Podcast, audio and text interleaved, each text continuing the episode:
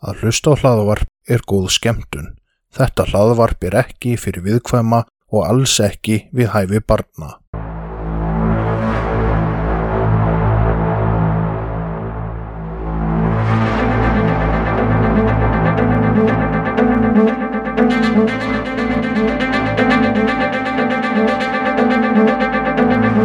Þetta hlaðvarp er hluti af IK Network.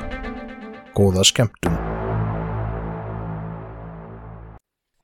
Góðan daginn og verið hjartanlega velkomin í hvað ætli segja að. Talum að velkomin aftur. Takk fyrir. Hvernig var að vera í fríi? Ég er endur nærð eftir þetta korter sem ég fekk frí. Ok, hvernig fannst þér óvænti þátturinn sem við böður upp á? Hann var góður. Já, Mjög góður. Ég mælu með allir hlusta á hann, sko. já, hann var frábær. Svolítið öðruvísi. Já, skemmtilega gaman að fá bygga. Já, mjög, sko. En ég velti samt fyrir mér að því að við glimtum eiginlega svolítið að taka það fram kannski, eða þú, að það var svona smá umdilt á tímabili hvort að þetta hafi verið sjálfsvíð eða ekki. Já, en þetta var sjálfsvík. þegar ég byrjaði að hlusta þá held ég að það væri kannski svona trúkræmvingilinn þangað til ég myndi eftir því að við erum nú líka bara eitthvað svona sálfræðibafl. Við ætluðum að tala meira um Kurt en það var bara svo gaman að tala við hann um allt annað að það bara glimtist einhvern veginn. Það er mjög skemmtilegum maður að tala við. Mér fannst mjög gaman að heyra um maus. Já, og bara allt spjallið mjög skemmtilegt. Talum að þrjú lög, guilty pleasure, spurning dagsins. Þrjú lög. Já, sem eru guilty pleasure. Þrjú. Það væri What's Up með Four Non Blondes og One Night in Bangkok með Murray Head og ekki bara henda þryggja daga vakt með. Já, það er góð blanda. Já, hún er alltaf nógu góð til að maður er gildi yfir því að fíla hana, sko. Já, Hvað hérna, hver er þín guilty pleasure?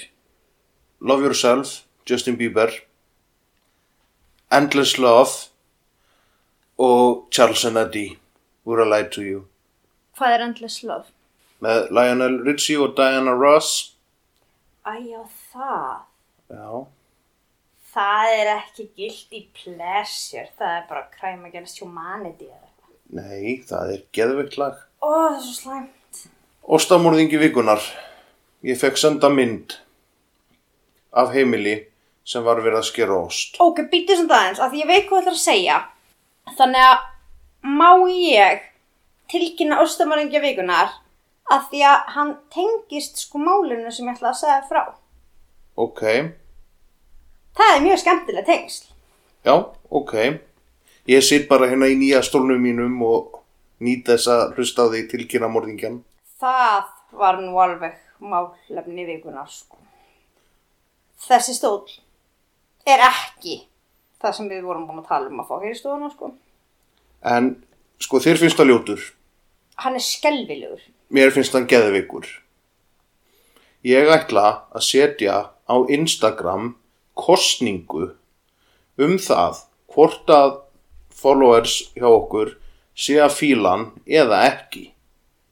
Þannig að eftir að þau búin að hlusta á hann þá getur þið fara á Instagram og kosið um það hvort að upptökustóli minn sé flottur eða ekki. Það er sem svo ósangjart út af því öll fjölskyldan þín er að fara að kjósa hann sem flotta. Þau eru nú ekki virka á Instagram en ok. En Nú, ástamorðingi vikunar. Ég er ekki komin á það. Nei, ok. Getum við haft option í þessari kostningu sá sem keiftir hann stól var pottið blindur. Já, og mitt er, það, það er þá þitt aðkvæði og mitt er það fallegasta sem ég við séð.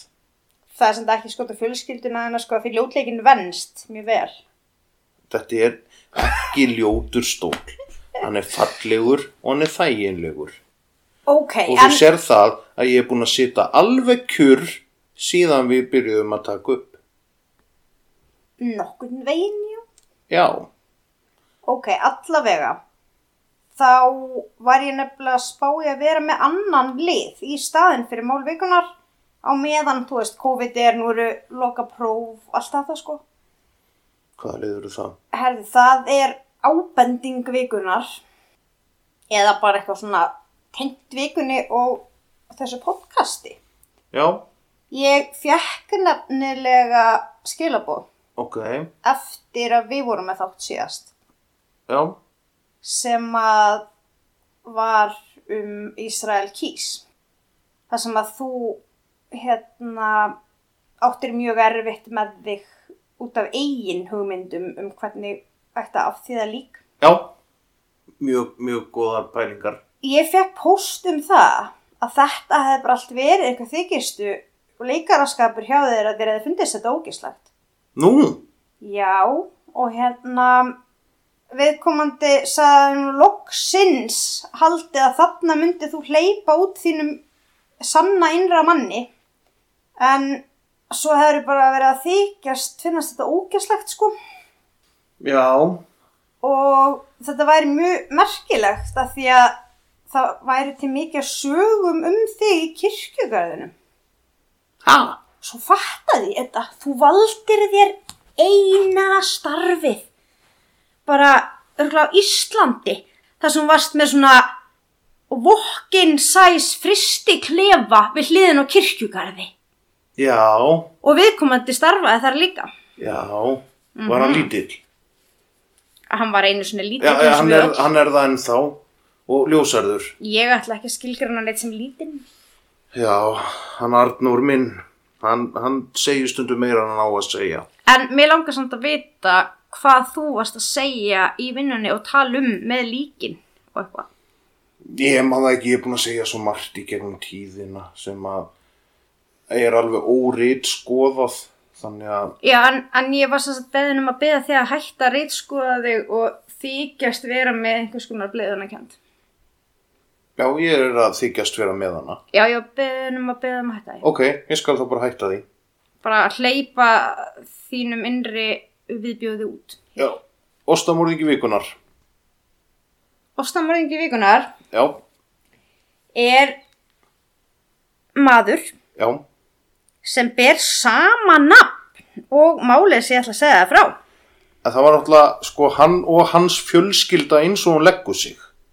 Já, ég veit ekkert með það. Þú sagði mér bara að hann Samuel væri ostamorðingi vikunar. Já, hann sendi mér mynd af oss sem var búið að misþyrma og hann vildi nefnilega kenna Berglind um þetta í einhvern sinni að segja að hún sker þetta svona en við vitum það bæði ég og þú að sannur húsbóndi á sínu heimili leifir þetta ekki. Þú ræður yngum ostin hér. Jú, ég ræð öllu um ostin hér. Segir þú þurft að pugrast inn eldúsar laga. Já, til að reyna að ala ykkur upp. Hérna, ok, en það sem ég fannst áhugavert við þetta var, Samúl og Berglind lærið að skera ost. Hvað er áhugavert við þetta? Við erum ennþá með trúkræm þátt að það ekki. Jú, og ostamorst þá. Já, ég er bara að spá í hvort að ostamorðin séu farin að taka bara yfir, hvort þú vil bara vera með þinn eigin, þitt eigið ostapodcast. Ég geti nú alveg gert það. Helduru að það myndum margir hlusta þeir ranta um ostaillverk. Já, Ok. ok. En hvaða mál ertu með? Ég hef ekki tala aðeins mér um ostin. Nei, ég vil fá mál. Nei, að séu enginn búin að fá nú upplýsingar um ostamorðin. Mál. Við viljum mál. Við viljum mál. Við viljum veit mál. að það voru páskar og allt það en þú ert ekki byrjað að tala bara um því í fleirtölu Nei, ég er að tala um mig og alla sem er að hlusta. ok, ég held að það var ekki svona páska ekki sem gerir útslæðið og voru fann að tala um því í fleirtölu Nei, nei, ok herðu, hérna mál vikunar er hann Samuel Little hérna frá kallaður Sammi Litli. já, við slum kalla hann Samma Litla hann Sammi Litli fættist 7. júni árið 1940 í Reynolds, Georgia Móðir hans var vændistæknir og líklega á táningsaldri var hún vændistæknir á pútuhúsi? Nei, það stendur nú ekki en það sko kom ekkert fram en það er einhverjar heimildir sem segja hann hafi fæðist í fangelsi. En annar staðar veriðist hann hafa fæðist sko og bara verið hjá mömmu sinni fyrst og þá er hún sögð að skila hann eftir að lesta teinum reynda að láta hann verða fyrir lest sem sagt sem unga bann en þetta er mjög óstaðfest allt. Ég er ekki alveg vissum hvað er rétt í þessu. En hann ólst sem sagt upp hjá ömmu sinni í Lorraine, Ohio. Hann gekk illa í skóla og hann bara flosnaði upp úr skóla á endanum. Á táningsaldri var hann byrjaði að fremja glæpi, þjófnaði. Hann fór í úlingafangelsi og eftir það fór þetta bara allt svolítið vestnandi. Hann þótti góðu boksari á einhverjum tímapunkti og á sjötta áratögnum ferðaðist hann á milli fylgja en hann var meðal annars handtekinn fyrir fjársvík, akundur áhrifum áfengis, líkamsárás, vopnarrán og nöðgun. Árið 1961, 21 árs aldri, var hann dæmdur í þryggja ára fangelsi fyrir að brjótast inn í húsgagnavestlun. Hann getur ekki stóli stólnu mínum. Ég passa hann. Hann er fættur 1940. Ef að áttræður maður hleypur hérna inn og næra að hlaupa út með stólinn þá finnst mér hann eiginlega bara eigan skilið sko. Nei. Það er COVID, hann þurft að ferðast ynga, hann er auðvitað í bandaríkjum eða eitthvað. Hann fær ekki stólinn. Allt áfram. Þú vissum alveg ekki tala mér um stólað ásta. Já. Ok. Fyrir árið 1975 hafði hann verið handtekinn 26 sinnum í 11 fylgjum Ó. og þá var hann sko 35 ára. Ok. Ok. En 31. janúar sko 1970 þá framdi sammilitli sitt fyrsta morð. Ekki ostamorð. Nei, Nei. nei, ekki nefn hún Marie Brosley hafi verið 33 ára gammal ostur. Ok. Ég lefi mér efast um það. Já. En hún var staðsett á bar í North Miami Beach í Florida. Og hún var ekki ostur, hún var vanditeknir. Hann fór með hann á afskektan stað, nærri Everglade og kyrtana áður hann síðan grófana. Ok. Í september 1976 þá er hann handtekinn fyrir nöðgun í St. Louis, Missouri. Þá er hann 36 ára. Þólandin segir lauruglu að hann hafi ráðist aftan að henni og bundið hendur hennar fyrir aftan bak með ramagsvír. Hann neitt hana inn í bílinn og landa hana þangað til hún misti meðvitund. Þá fór hann með hann á afskektan stað og nöðgaði henni. Fyrir þetta hlautan þrjá mánuði í fangelsi. Ah. Já, í bandaríkjunum líka sko. Ok. Þeir eru nú þekktir fyrir oft mjög þunga dóma í bandaríkjunum.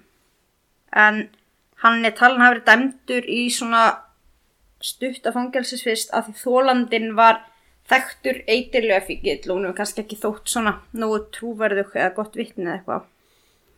Mm, Já, það vill oft vera þannig.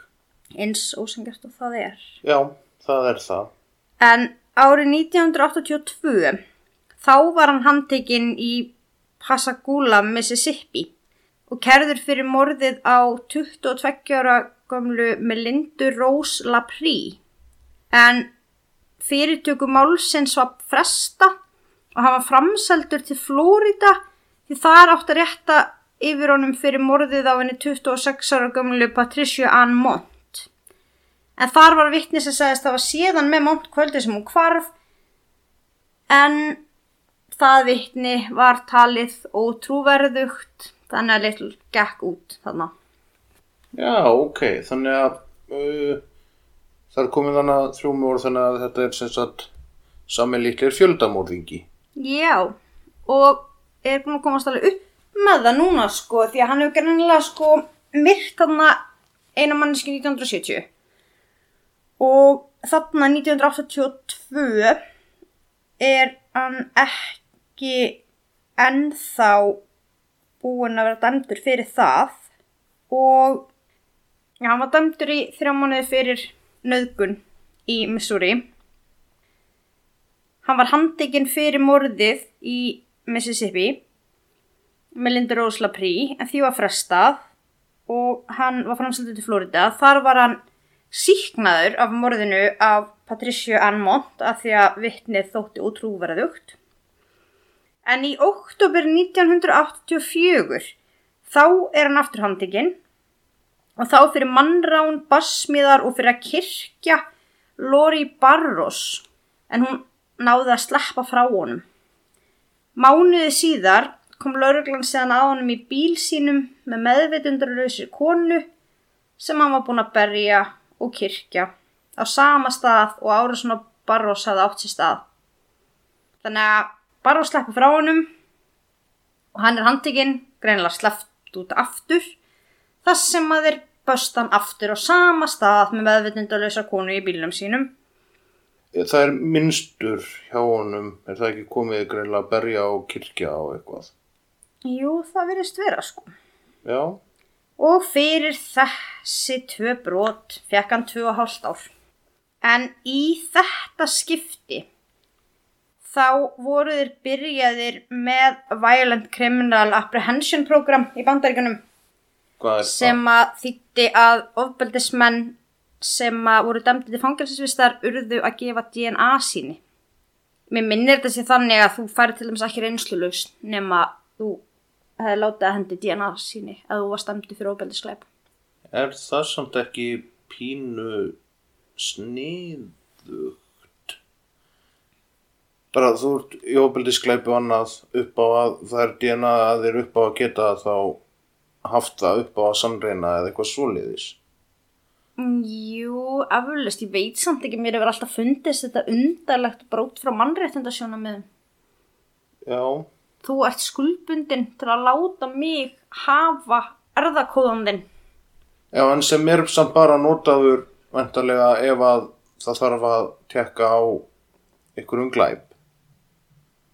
Og það sem átt þína sögum glæp fyrir að þá er, hérna, er kannski verið að tekka á því hvort þú sért líklegur til þess að hafa þá verið að fremja aftur glæp eftir að hafa verið í fangilsi.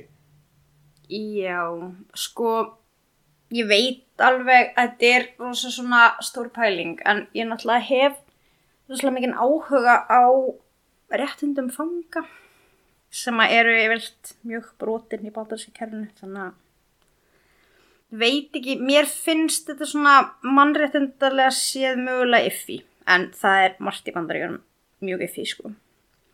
Þannig að þetta er sniðugt með tilliti til þess að ná þeim sem að fram í ítrekkaða glæpi. sem að hann vissulega var búinn að gera.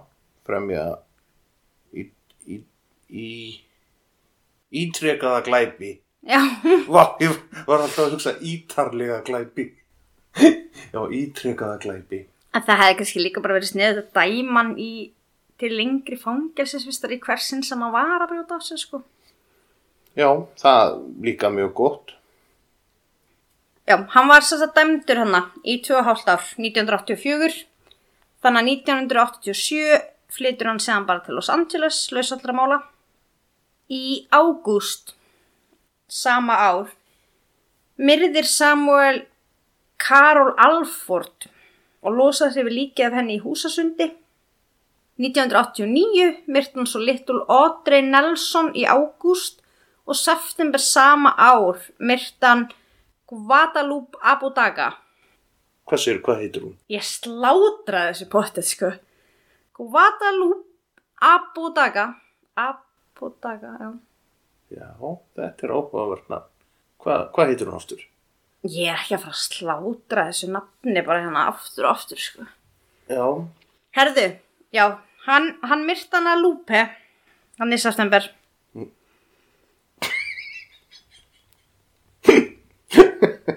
vel bjargað Hlærðu þessu bara að því. Já. Ég verði að hleypa þínum sanna innri mann út núna.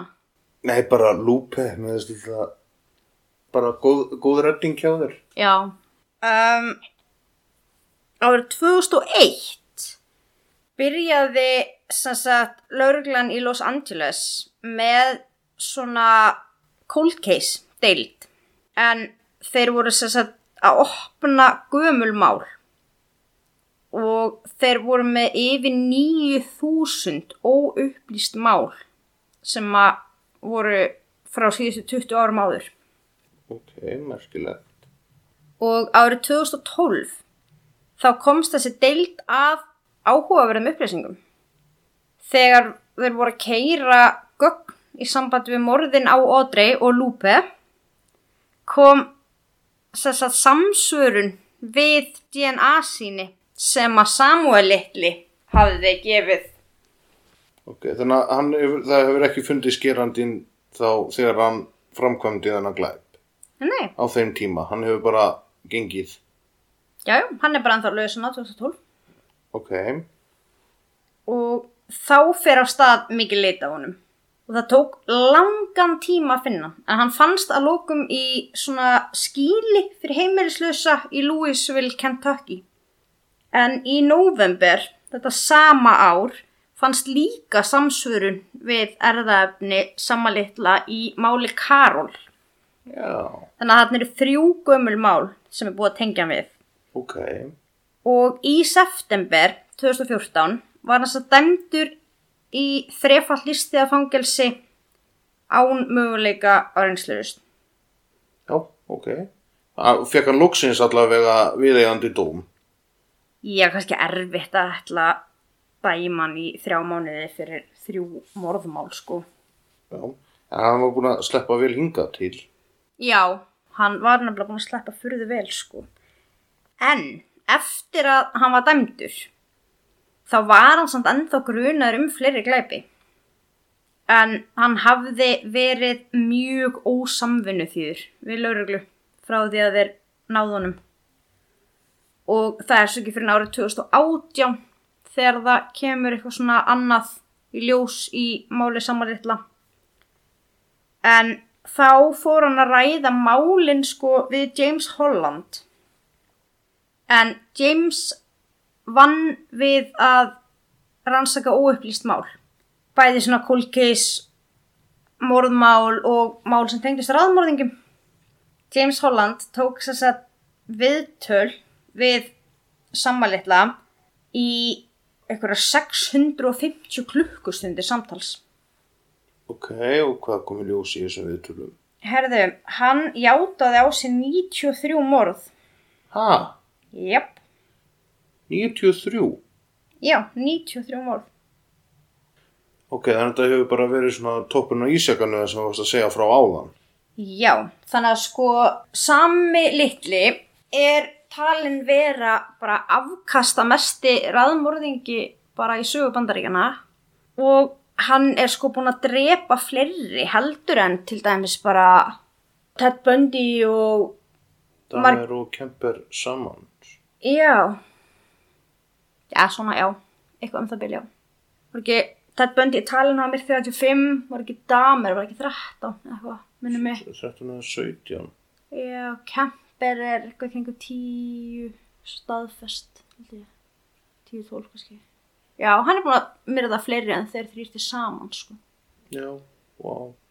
Gætir þú að jafnvel henda einhverjum bara uh, fjórða með, sko. 93 manneskjur. Sem hann játaði og það er bara það allavega sem að sko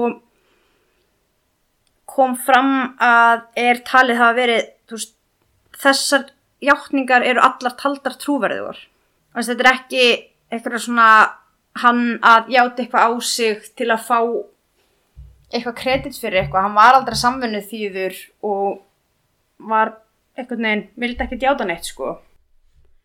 Já, þannig að hann hefur ekki verið svona eins og Ísrael kýs sem að var svona að njóta þess að segja frá öllu. Hann hefur einhvern veginn ekkert viljað að vera í suðisljósinu þá bara fyrir hann allt í einu. Bara allt í einu að fara að tala um glæpina. Já, já, já, hann var bara ósamvinnu þýður og vildi ekkert tala við á. Til að byrja með sko, veit ekki alveg hvernig þessi fjekk hann til að tala.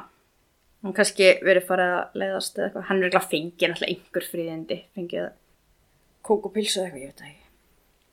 En hann sem sagt játaði þessi morð á sig og ég held að ástæðan fyrir því að hann náðist ekki var að öll morðin hans, það sem er öðruvísi við hann, heldur en til dæmis bæði Kemper og Damer og Bundy og fleiri, er að hann er einn af þeim raðmorðingjum sem að Lestat-kenningin á við um.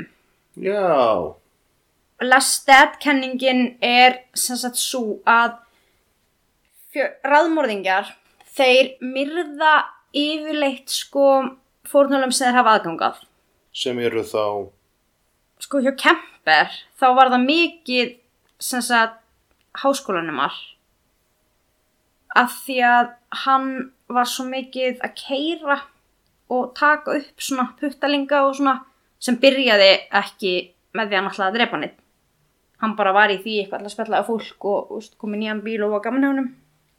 En þegar hann byrjaði að mér það, þá var þetta, veist, hans svona fórnarlampa, þrá, nei, ég er hann að finna íslenskt orðið við viktimpúl.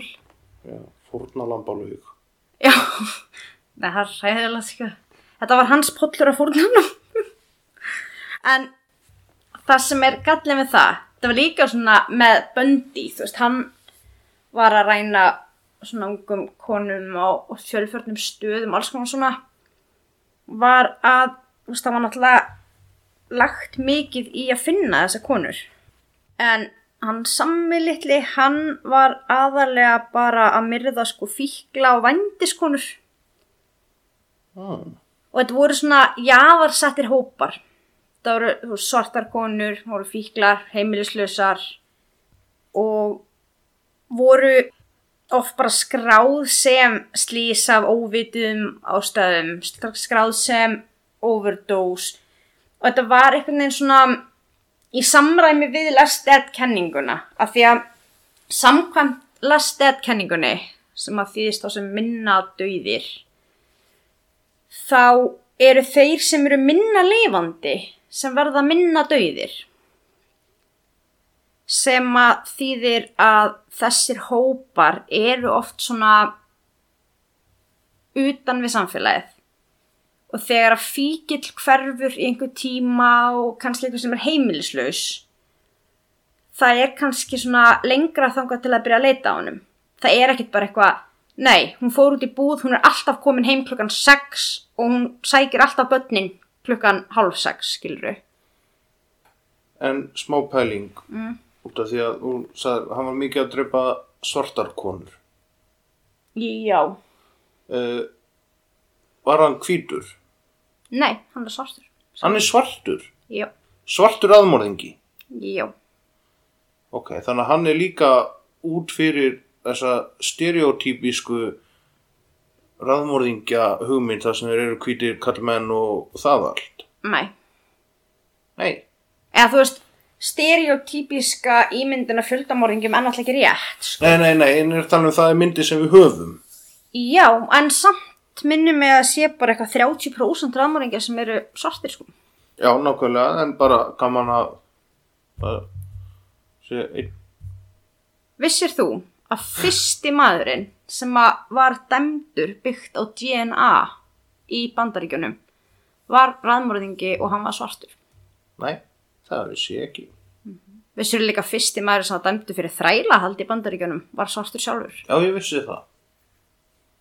Það er áhugavert. Já, En sem sagt, hann var ekki hvítur en man ekki annarkostur á 30% væru Afrikan-Amerikan Nei, tjók Ég man ekki annarkostur 30% sem voru þá svartir og Hispanic eða hvort það var bara 30% það er allavega stórt hlutfallega en eru ekki veist. Þeir eru ekki. Jú, það hlýtur alveg að veri 30% væri svartir því annars væri svo mikill meiri hluti. En hann, já, bæði það að hann var með sömu aðferð og Ísrael kýs. Hann var mikið að flakka á milli staða, sko, á þessum tíma. ok, Þetta gerist mikið á sikkurum stöðunum. ok, Og þar kemur svolítið inn í þessi milliríkja blinda sem við tölum oft um.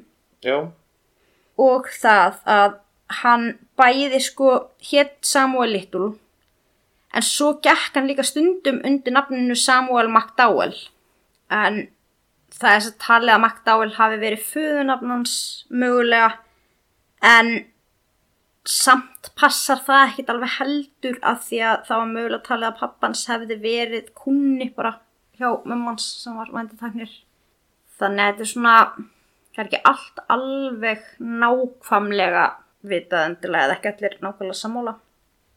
En hann átti ekki bara þetta metaldi í að myrða svona marga, hann var alltaf virkur mjög lengi sko, hann var virkur í bara hann kyrti hann að fórnálum frá sko 1970 til 2005 Vá, það er rosalega langu tími.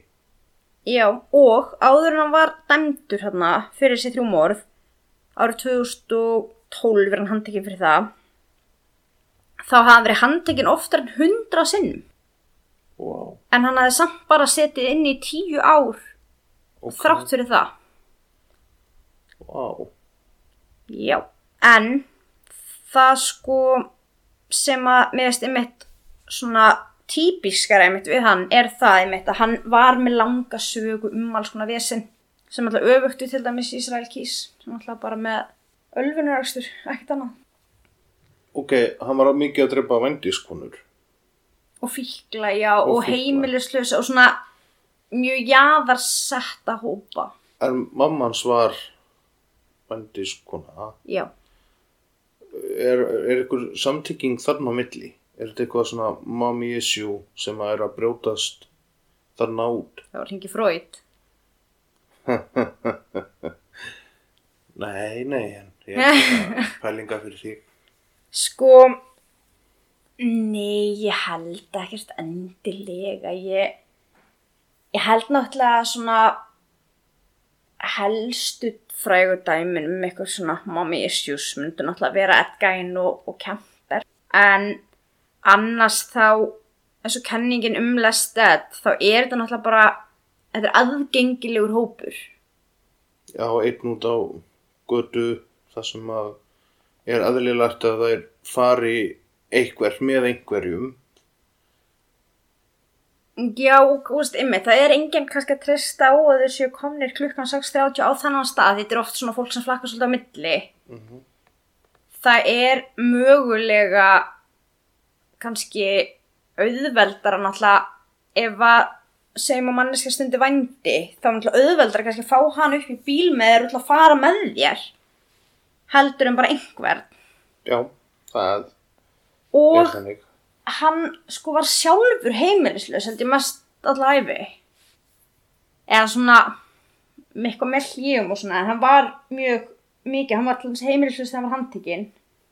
Þannig að heimilislausa konur til dæmis hafa kannski verið hópur sem að hann umgengst skiluru hann er handtekinn hann í skíli fyrir heimilislausa. Þannig að Já. maður getur sér svona til um að það sé kannski eitthvað fólk sem hann hefur haft meira aðgang að. Þannig ég held að þetta svona spilir saman ég held að þetta sé ekkert bara eitthvað mömmu hans sko. Hann ólst líka held ég bara mest upp hjá ömmu sinni sko. Já, ertu með eitthvað meira um þetta? já, Já, ok. hann var merkilegur fyrir fleiri sækir sko. Ok, hvað þá? hann var einn af fáum í heiminum sem að eru með svona það sem er kallað ljósmyndaminni Ok, þannig að hann mundi bara allt, hann mundi eftir hverju einasta morði af þessum 93 hann mundi kannski ekki endilega ártölu eitthvað svoleið sko en hann gæti teiknað myndir alveg það nákvæmt að það var að bera kennsla á þar já, ok. og hann gæti bara farið einhvern veginn aftur í tíman og bara rifjað upp einhver svona minnstu smáatriði eins og í málinu hjá Mari Brosley sem að hann myrti sko á fyrsta morðið hans 31. janúar 1970 að þarna meirinn 40 árum setna þá rifjir hann bara upp og hann sagði lauruglunni að hann hefði fyrst síðan hana á þessum bar og hún satt í svona bás og það var raukt leður á sætunum og þetta var rosa flott og hún var með rosa langa svona leggi í ykkurum netasokkabuxum og hún krosslaði fæturnar og snert á sér hálsin og það var merki til hans frá Guði bara. Ok, Þannig að bara byrjaði þetta, Guð gaf hann merkjum að myrða hana greinilega. ok. Þannig að hann hefur munað eftir öllu. Já. Ok, Hann meir þess að játaði annar morð til viðbótar í nógambur 2020 ok. Og það var morð sem annar maður hafði ránglega verið dæmdur fyrir. Já, ok. Ok, það er samt fallegt af honum að láta vita af því þannig að þessi ránglega dæmdi maður kemst út. Hann á kannski ekki að gera gert það á 2000 og 12, 14, eitthvað skiljur eitthvað 20 Já, kannski líka einmitt ef að minna, hvað, við eitthvað vera að vinna í að bera kennslu þetta á málin hans síðan kannski kemur það upp þarna bara, herðu þessi kona, hún, þannig að þessi var dæmdu fyrir það og situr inn í bara, nei þá er þið með vittlösa mann. Eða, maður veit ekki hvernig það atvikast. Ég held að þetta hafi verið eitthvað annað heldur en einskjær góð mennska hans Samuel Little sko.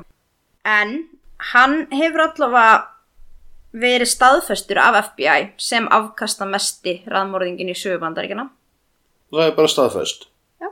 ok, sem við vitað er um, skilur ekki það náttúrulega lengur verið að nota ennþá sem að er afkasta meiri.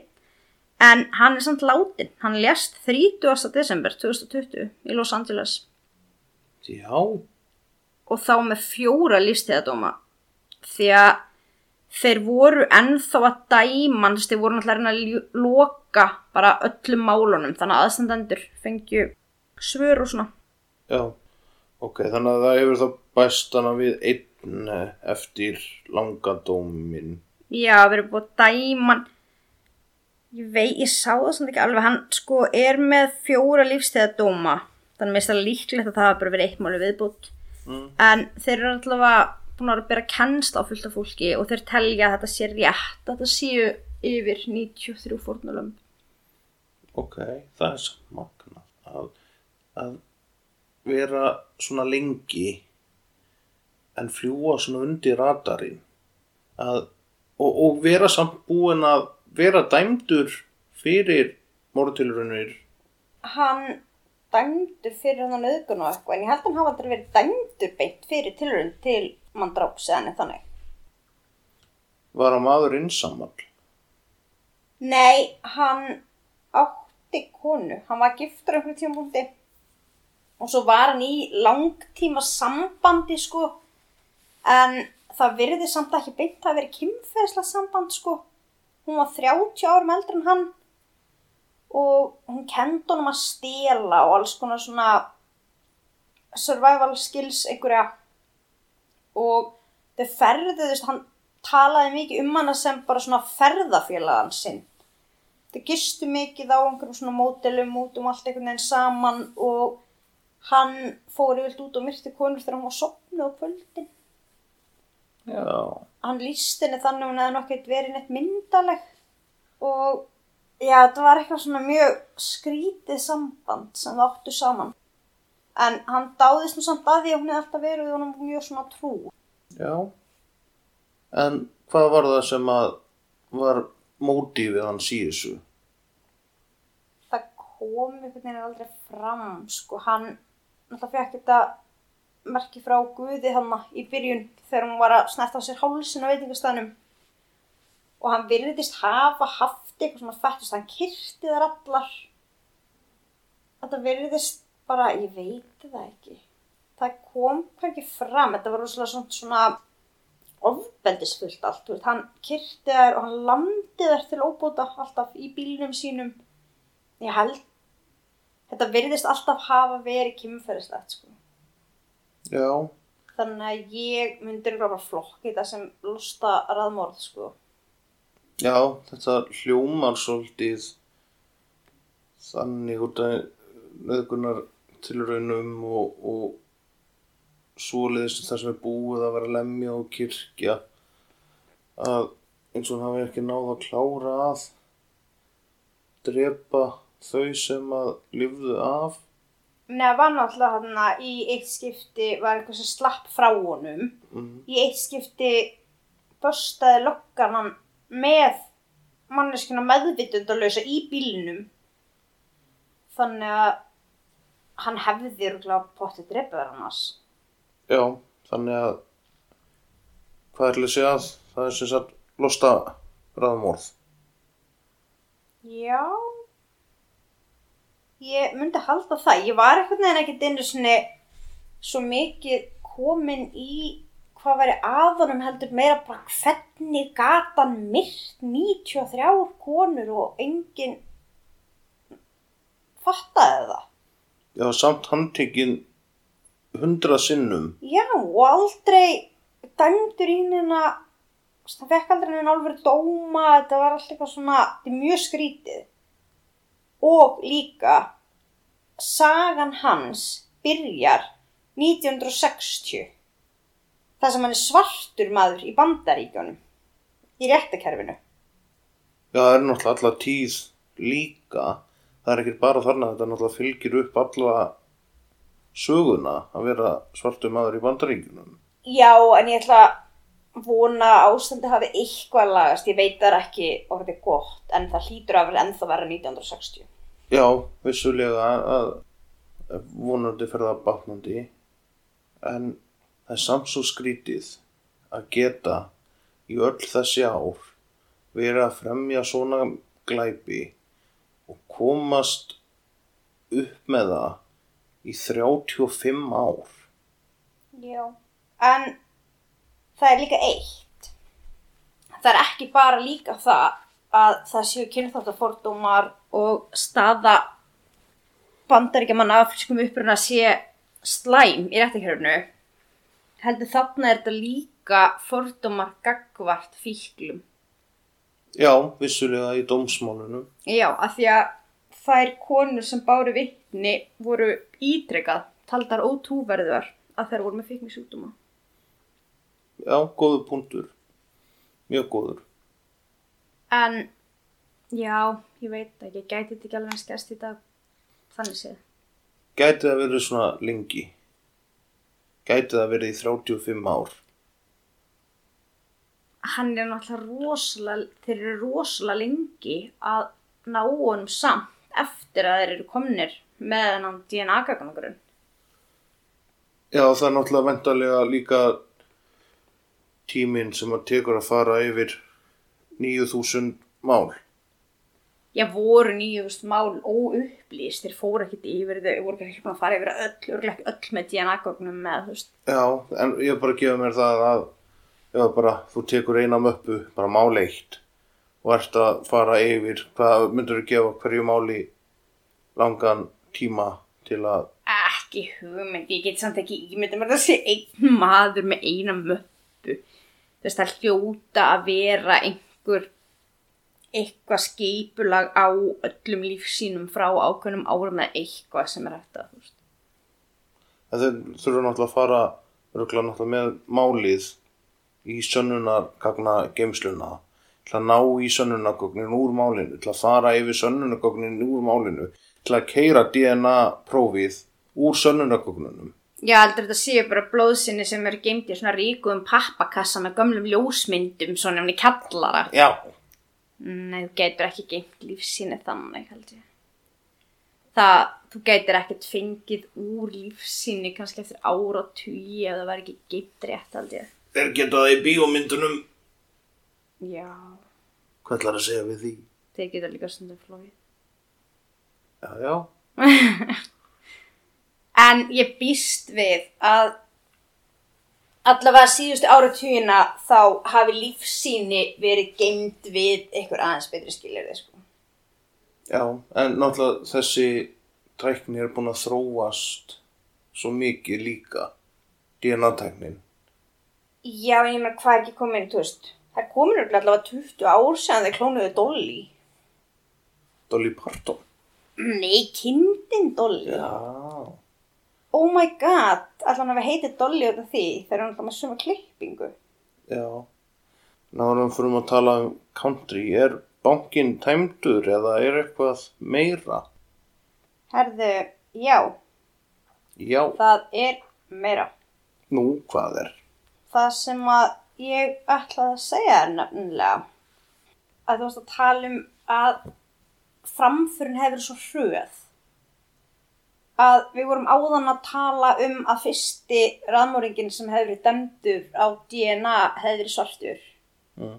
og það var sko The Southside Strangler Timothy Spencer. Og hann var dæmdur til döðaldi 1988 eitthvað svoleiðis Já, með DNA en fram að því var náttúrulega bara fingrafur og ykkur sjúprins og ykkur hérna, skrifta sérfræðingar að bera saman skriftir og Ég held að það sé það gert. sko. já, en, en það er náttúrulega auðveldar að núna þú finnur blóði eða lífsýni eða slefi eða hár og það er ekkert mála að finna DNA til að bera saman við til að komast í bóts að þessu. Það er náttúrulega ekkert alltaf DNA.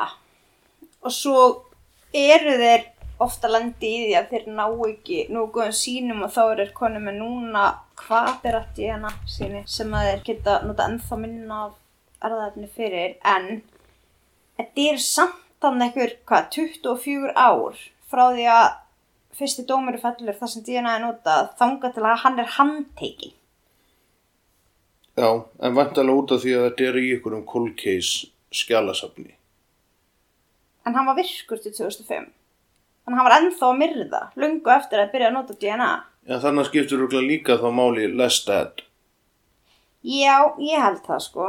Út af því að uh, ykkur, eins ljótt að segja þetta, ykkur fíkil sem að hefur verið kyrtur er rannsóknarlögregla í bandaríkjunum og hugsanlega svartur fíkil er hann ekki bara já, já og þú sagði mér að líka að mörg hafa verið skráð sem overdose og svoleiðis Já.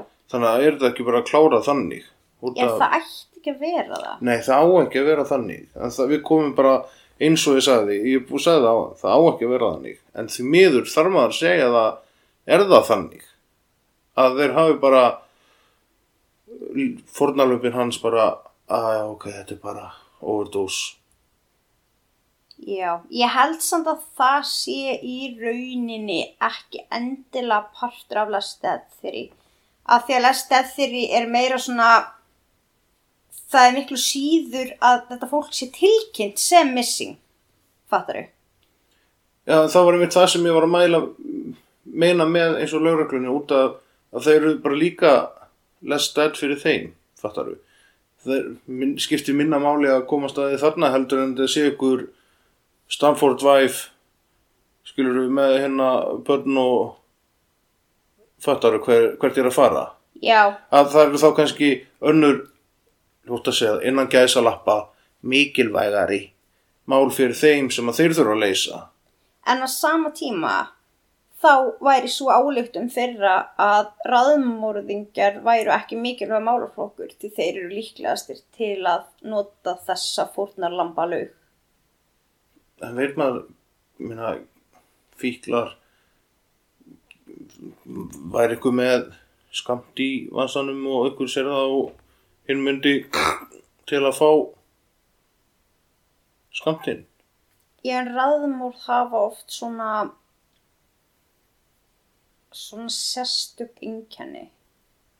já, hann, hann náttúrulega var með eins og þú sagði, hann náttúrulega var með minnstur það var náttúrulega hann kirkingar og barsmíðar og Já, og raðmórð eru náttúrulega mjög oft lostamórð. mm Mjög oft er það þannig að við komandi kannski bara ennþá með peningana sína og allt í vasanum þegar hann finnst. þú veist, það- Hann er ekki rændur. Yfirleitt einhvern veginn virðist vera sem að það snýst bara um að myrða við komandi. já, Og það er yfirleitt oft svona engin tengsli fórnulömbin og annað sko. en við getum rantað um þetta fram og tilbaka Já, við getum gert það. Ef við gera það. nei ef að segja að bankin sé tæmdur Já, er það ekki? Mér langar samt svolítið að taka sásætt strenglar fljótlega. Ok. Mm, endilega. Ég skal ekki lesa mig til um hann. En hei, númer hvað er þessi þáttur eiginlega? X. Er hann ekki númer nýju eða eitthvað? Jú, röglega. Þá verðum við að fara að henda í tipparjúnion. Eh, þetta er þáttur nummer 8. Skiptir að máli hvort það næstu þáttur að þar næstu sem er tipparjúnion. Allir þættir fram eftir eru nummer 8. Já, ok, er það bara 8a, 8b, Já. Ok. En þú varst ofsóttur af afskortum tippum um daginn Já. Heldur betur. og það var ekki skáldsaga, var það? Jú. Já, það voru ekki raunveruleg afskorin tippi. Nei. Nei. En þurftur að rifja það upp. Já, ég, mér finnst að við þurfum að fara að skipulega þetta. Telma. Herðu, hérna, bankinn er tæmtur. Já, Uh, eitthvað að lókum? Að, það er munið að kjósa inn á Instagram með stólinn minn. Stólinn minn fagra og flotta. munið líka bara að hlusta á næsta þátt, áskorinn tippi. Það er hérna, að það verið góð viðbröð við honum og kannski spurninga Brynjar taki bara öðru kóru svona tippa þætti. Herðu, já, við erum hluti af ICA Network. Þanga til næstu viku. Þangar í næstu viku er það ekki partur í Gangið hægt um glíðina dýr. Og verið stilt og góð. Ok, þetta er creepy. Já, ok. Herru, bæjó. Bye.